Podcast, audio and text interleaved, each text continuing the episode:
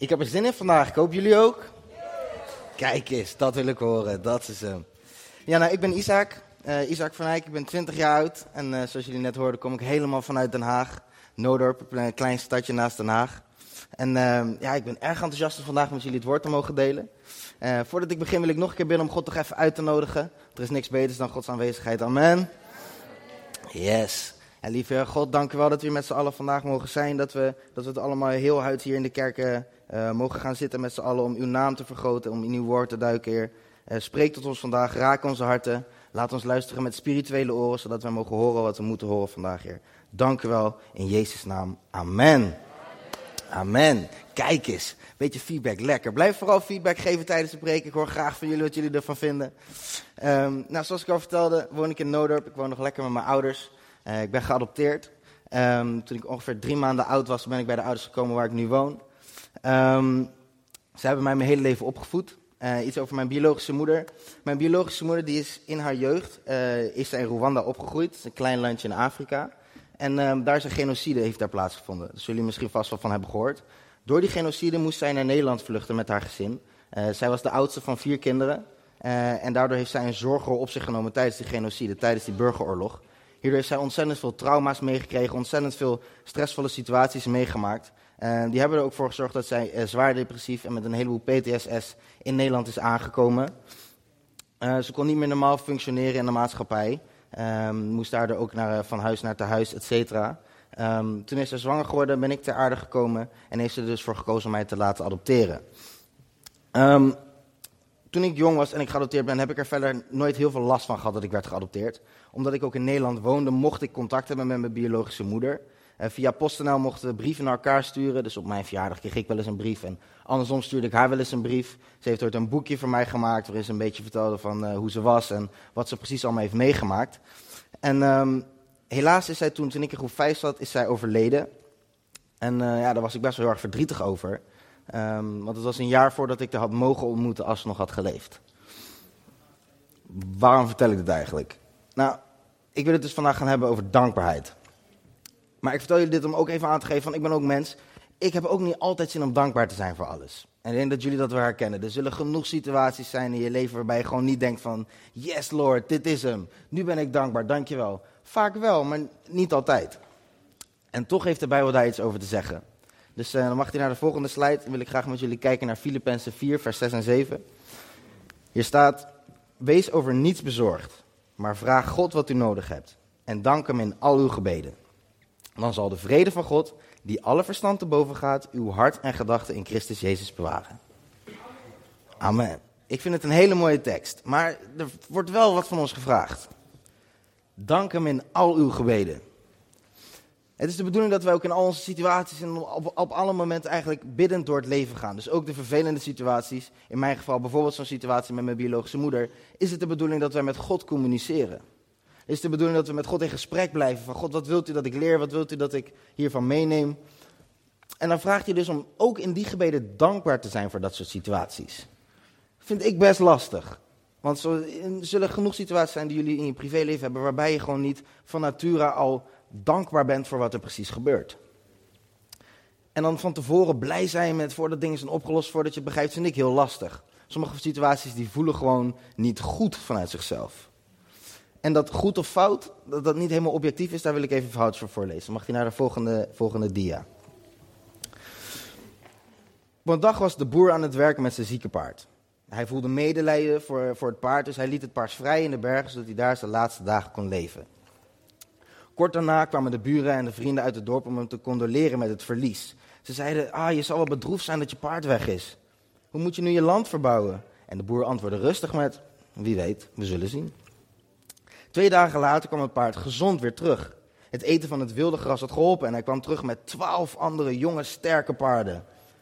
En kort daarna kwamen mensen uit het dorp om hem te feliciteren. Yes, je hebt nieuwe paarden, je zal wel blij zijn met je nieuwe paarden. Nu kan je weer succesvol je land verbouwen. En de boer antwoordde rustig met, wie weet, we zullen zien. De volgende dag ging de enige zoon van de boer proberen de nieuwe paarden te temmen, maar werd van een van de paarden afgegooid en brak onderweg zijn been. En opnieuw, één voor één, kwamen de mensen uit het dorp om te laten zien dat ze met de boer meeleefden. En ze zeiden, oh wat heftig, nu kan je zoon je niet meer helpen op de akkers. Nu moet je alles zelf gaan doen. Hoe ga je dat voor elkaar krijgen? En de boer antwoordde rustig met: Wie weet, we zullen zien. Een paar dagen later brak er oorlog uit. Het leger kwam alle jonge mannen ophalen die konden meevechten. Maar de zoon van de boer was niet fit genoeg volgens de soldaten door zijn gebroken been. Wederom kwam iedereen uit het dorp en ze zeiden: Wat geweldig, je zult wel super blij zijn. Want al hun zoons die moesten wel naar de oorlog. En de boer antwoordde rustig met: Wie weet, we zullen zien. Het gebroken been van de zoon die genas beetje bij beetje, maar hij hield er wel een soort van manke pas aan over. En opnieuw kwamen de dorpelingen om hem te condoleren. Je zal wel bedroefd zijn. Wat een ongeluk. En de boer antwoordde rustig met: Wie weet, we zullen zien. En helaas bleek dat alle jongens die mee moesten naar de oorlog waren overleden. Uh, en dit zorgde ervoor dat de boer met zijn zoon de enige twee overgebleven mannen waren. die fit genoeg waren om land te verbouwen in het hele dorp. De boer werd erg rijk en hij was erg groot voor al zijn dorpelingen. En alle dorpelingen bleven hem constant feliciteren. Ze zeiden: ah, Je zal wel blij zijn. Wat een geluk. En de boer antwoordde rustig met: Wie weet, we zullen zien. Waarom vertel ik dit verhaal? Wij zijn in dit verhaal de dorpelingen en de vrienden van de boer. Wij gaan eigenlijk vaak af op ons gevoel. Als we denken, is deze situatie goed, is die fout, zit het lekker? Dan gaan we af op wat we weten, maar we weten niet alles. Dus wij kunnen eigenlijk helemaal niet bepalen of een situatie goed of fout is. Wij zijn helemaal niet degene die beslissen of een situatie goed voor ons is of die fout voor ons is. Dat is God. Hij is de enige die alles ziet. Hij ziet de toekomst, het heden, het verleden. En toch zijn wij best wel stevig in onze mening van is deze situatie fijn, is die niet fijn. Want dat bepaalt best wel heel erg veel over hoe we kijken en hoe we ons voelen in de situatie. Mag hij naar de volgende slide? Wil ik graag met jullie kijken naar Jacobus 1, vers 16 en 17. Hier staat, geliefde broeders en zusters, vergis u niet. Elke goede gave, elk volmaakt geschenk komt van boven, van de Vader van de hemellichten. Hier het woordje goede, wat ik heb onderstreept, dat betekent in het Hebreeuws agathos. Mag u weer naar de volgende slide. Agathos betekent goed van aard, intrinsiek goed. Goed of wij het nou zo zien of niet. Hé, hey, dat vind ik interessant. Of wij het nou zo zien of niet. Want wat heeft God daar maar een beetje laten zien? Dat betekent dat er dus een heleboel situaties en dingen kunnen zijn die wij van God krijgen in ons leven. Maar omdat wij ze niet zien als goed, kunnen wij de zegeningen niet gebruiken. Kunnen wij de zegeningen niet openmaken. En dat is wel zorgbarend. Want als we achteraf zien dat God met ons is, zouden we eigenlijk altijd blij moeten kunnen zijn. We zouden eigenlijk altijd moeten kunnen zeggen van yes, Gods hand ligt op ons. Het is fijn, God is met ons. Maar dat is wel heel erg lastig. Want daarmee moet je eigenlijk realiseren dat het oké is om niet te weten wat de toekomst brengt. En dit is een blik die je hebt op je zegeningen, die agathos. Het is een, een dankbaarheid, ik wil nog een stapje verder. Die dankbaarheid is de juiste sleutel om je, om je zegeningen, om je blessings open te kunnen maken. En wat betekent dat? Ik wil jullie dat in de praktijk graag laten zien. Sarin, kom naar voren. Ik ga jullie zo meteen twee situaties laten zien. Bij eerste situatie ga ik jullie laten zien hoe wij omgaan met onze zegeningen. Hoe wij onze zegeningen ontvangen. En daarna wil ik laten zien hoe God, denk ik, bedoeld heeft dat wij onze zegeningen zouden ontvangen.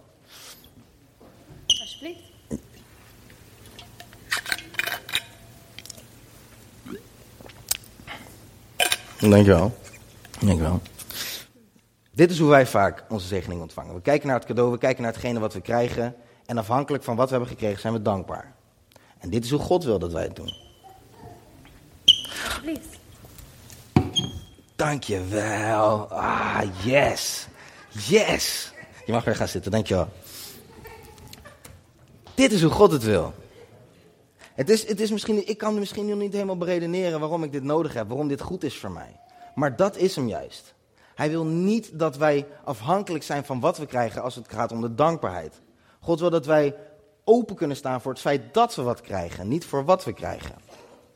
En als we dit in de praktijk goed kunnen waarborgen, mag je naar de volgende slide, dan komen we in een cirkel van dankbaarheid terecht. En wat God mij heeft laten zien, is dat hoe hij het heeft bedoeld, dat we in eerste instantie dus iets krijgen van God. In dit geval kreeg ik een beker van Sarina.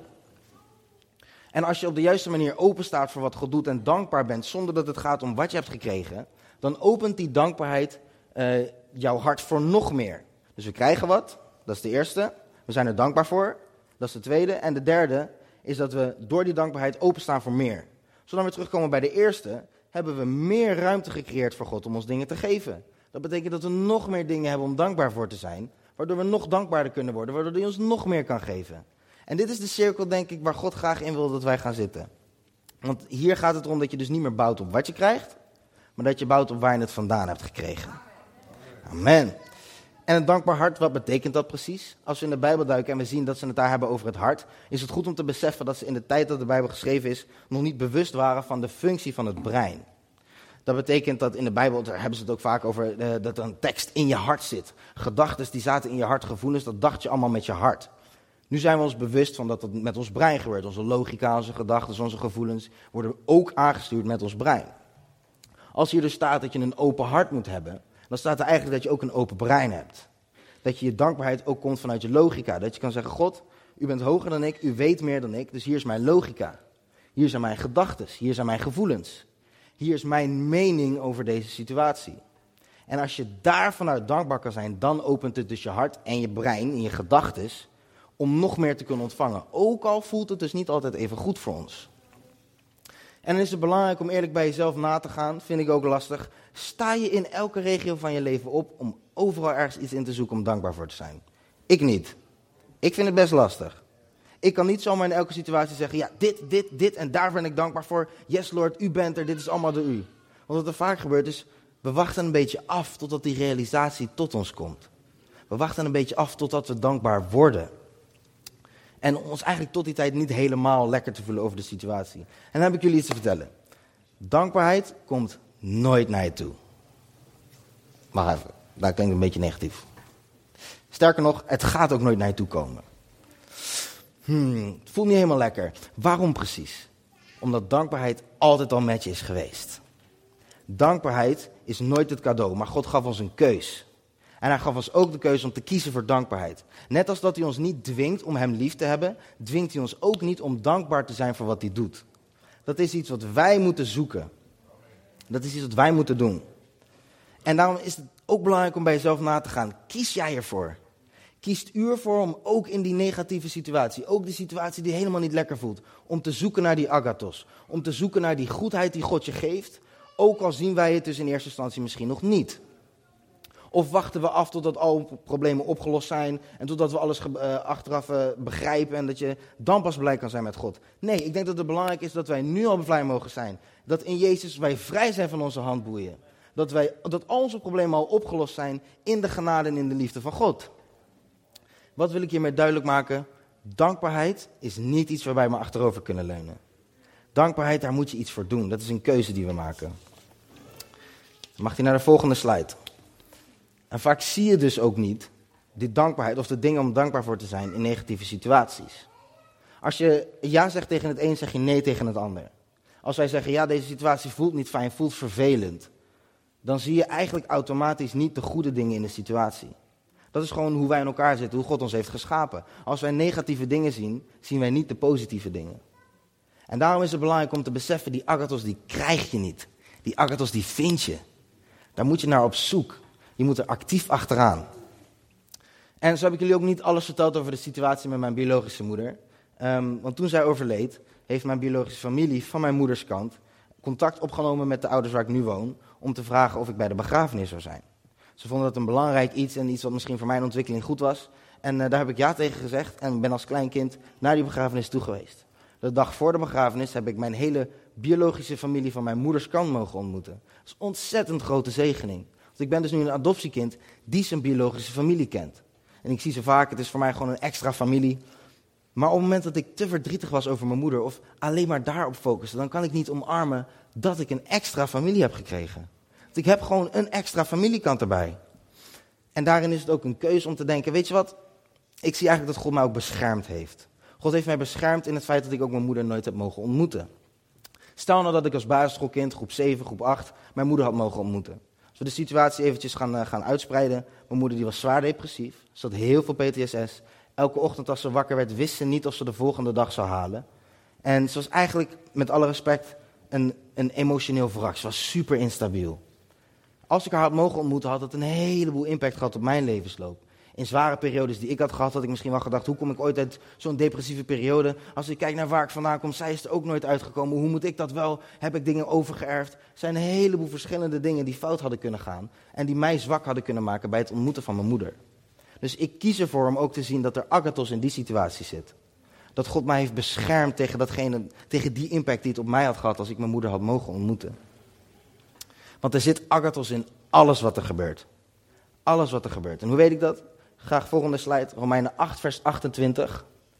En wij weten dat voor wie God liefhebben, voor wie volgens zijn voornemen geroepen zijn, alles bijdraagt aan het goede. En dit is heel belangrijk. Alles bijdraagt aan het goede. Niet de helft, niet 90%, niet 99%, alles. Echt alles, elke situatie. Elke situatie die je kan voorstellen. Alles draagt bij aan het goede. En wat ik mooi vond, als we kijken naar de Hebreeuwse vertaling van deze tekst. Weet je welk woord ze gebruiken voor goede? Agathos. Alles draagt goed aan dat intrinsiek goede. Aan iets goeds van aard. Aan iets goeds of wij het nou zien of niet. Het is een paradoxaal cadeau wat we krijgen van God. Als de wereld ons iets aandoet, als de duivel aan ons trekt. Want we leven in een gebroken wereld, jazeker. Maar alles wat we meemaken in deze wereld draait God 180 graden om. En gebruikt die ten goede voor degenen die hem lief hebben. En dat is ook voor ons. En dat is dus ook wat die dankbaarheid doet. Die dankbaarheid dat is een sleutel. Een sleutel om nog meer dingen te mogen meemaken.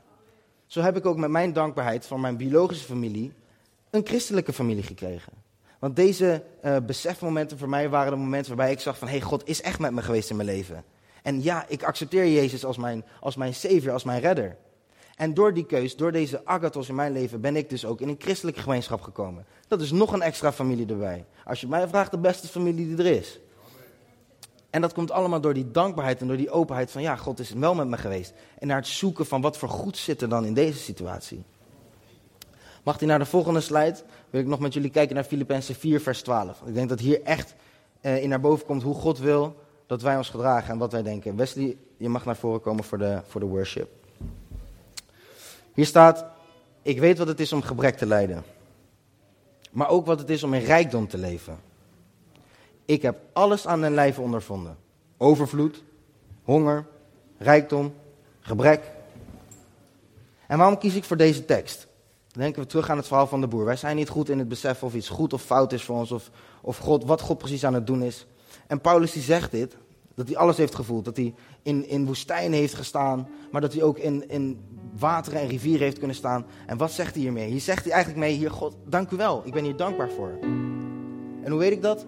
Deze tekst staat in een dankbetoog van Paulus naar God.